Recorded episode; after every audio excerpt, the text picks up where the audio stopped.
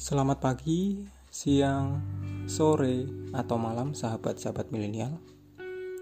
Sudah lama kita tidak saling sapa ya. Maafkan aku yang terlampau sibuk mengurus hidup yang berantakan. Aku harus fokus sejenak mengejar karir yang larinya secepat kereta itu.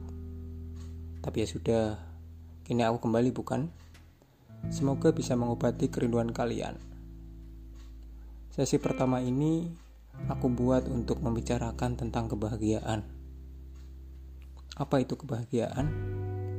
Banyak dari kita pasti bertanya-tanya, apa itu kebahagiaan? Sebuah tujuan yang ingin kita capai, tapi masih abu-abu maknanya. Kita bekerja lebih dari 12 jam sehari, mengumpulkan pundi-pundi uang untuk membeli kebahagiaan. Kita selalu berusaha untuk pulang, bagaimanapun situasinya demi bertemu keluarga. Tentu saja agar kita bahagia. Bahagia, bahagia, dan bahagia. Apa itu kebahagiaan? Banyak dari kita yang bahagia mendapat sesuatu. Entah itu hadiah, pujian, atau kebahagiaan dalam suatu persoalan.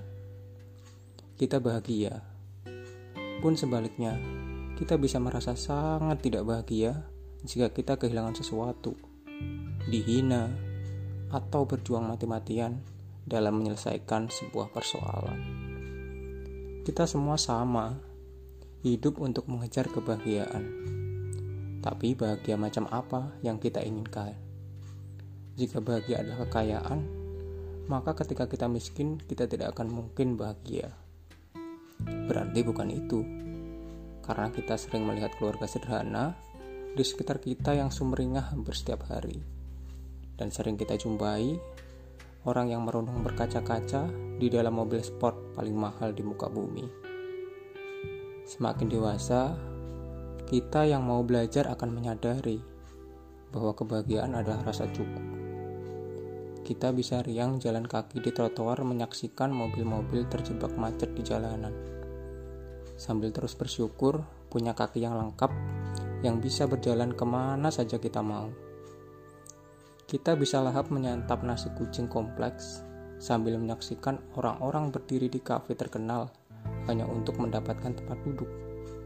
Sambil terus bersyukur dengan rezeki yang kita dapat, kita bisa terus menyantap makanan. Bahagia adalah rasa cukup.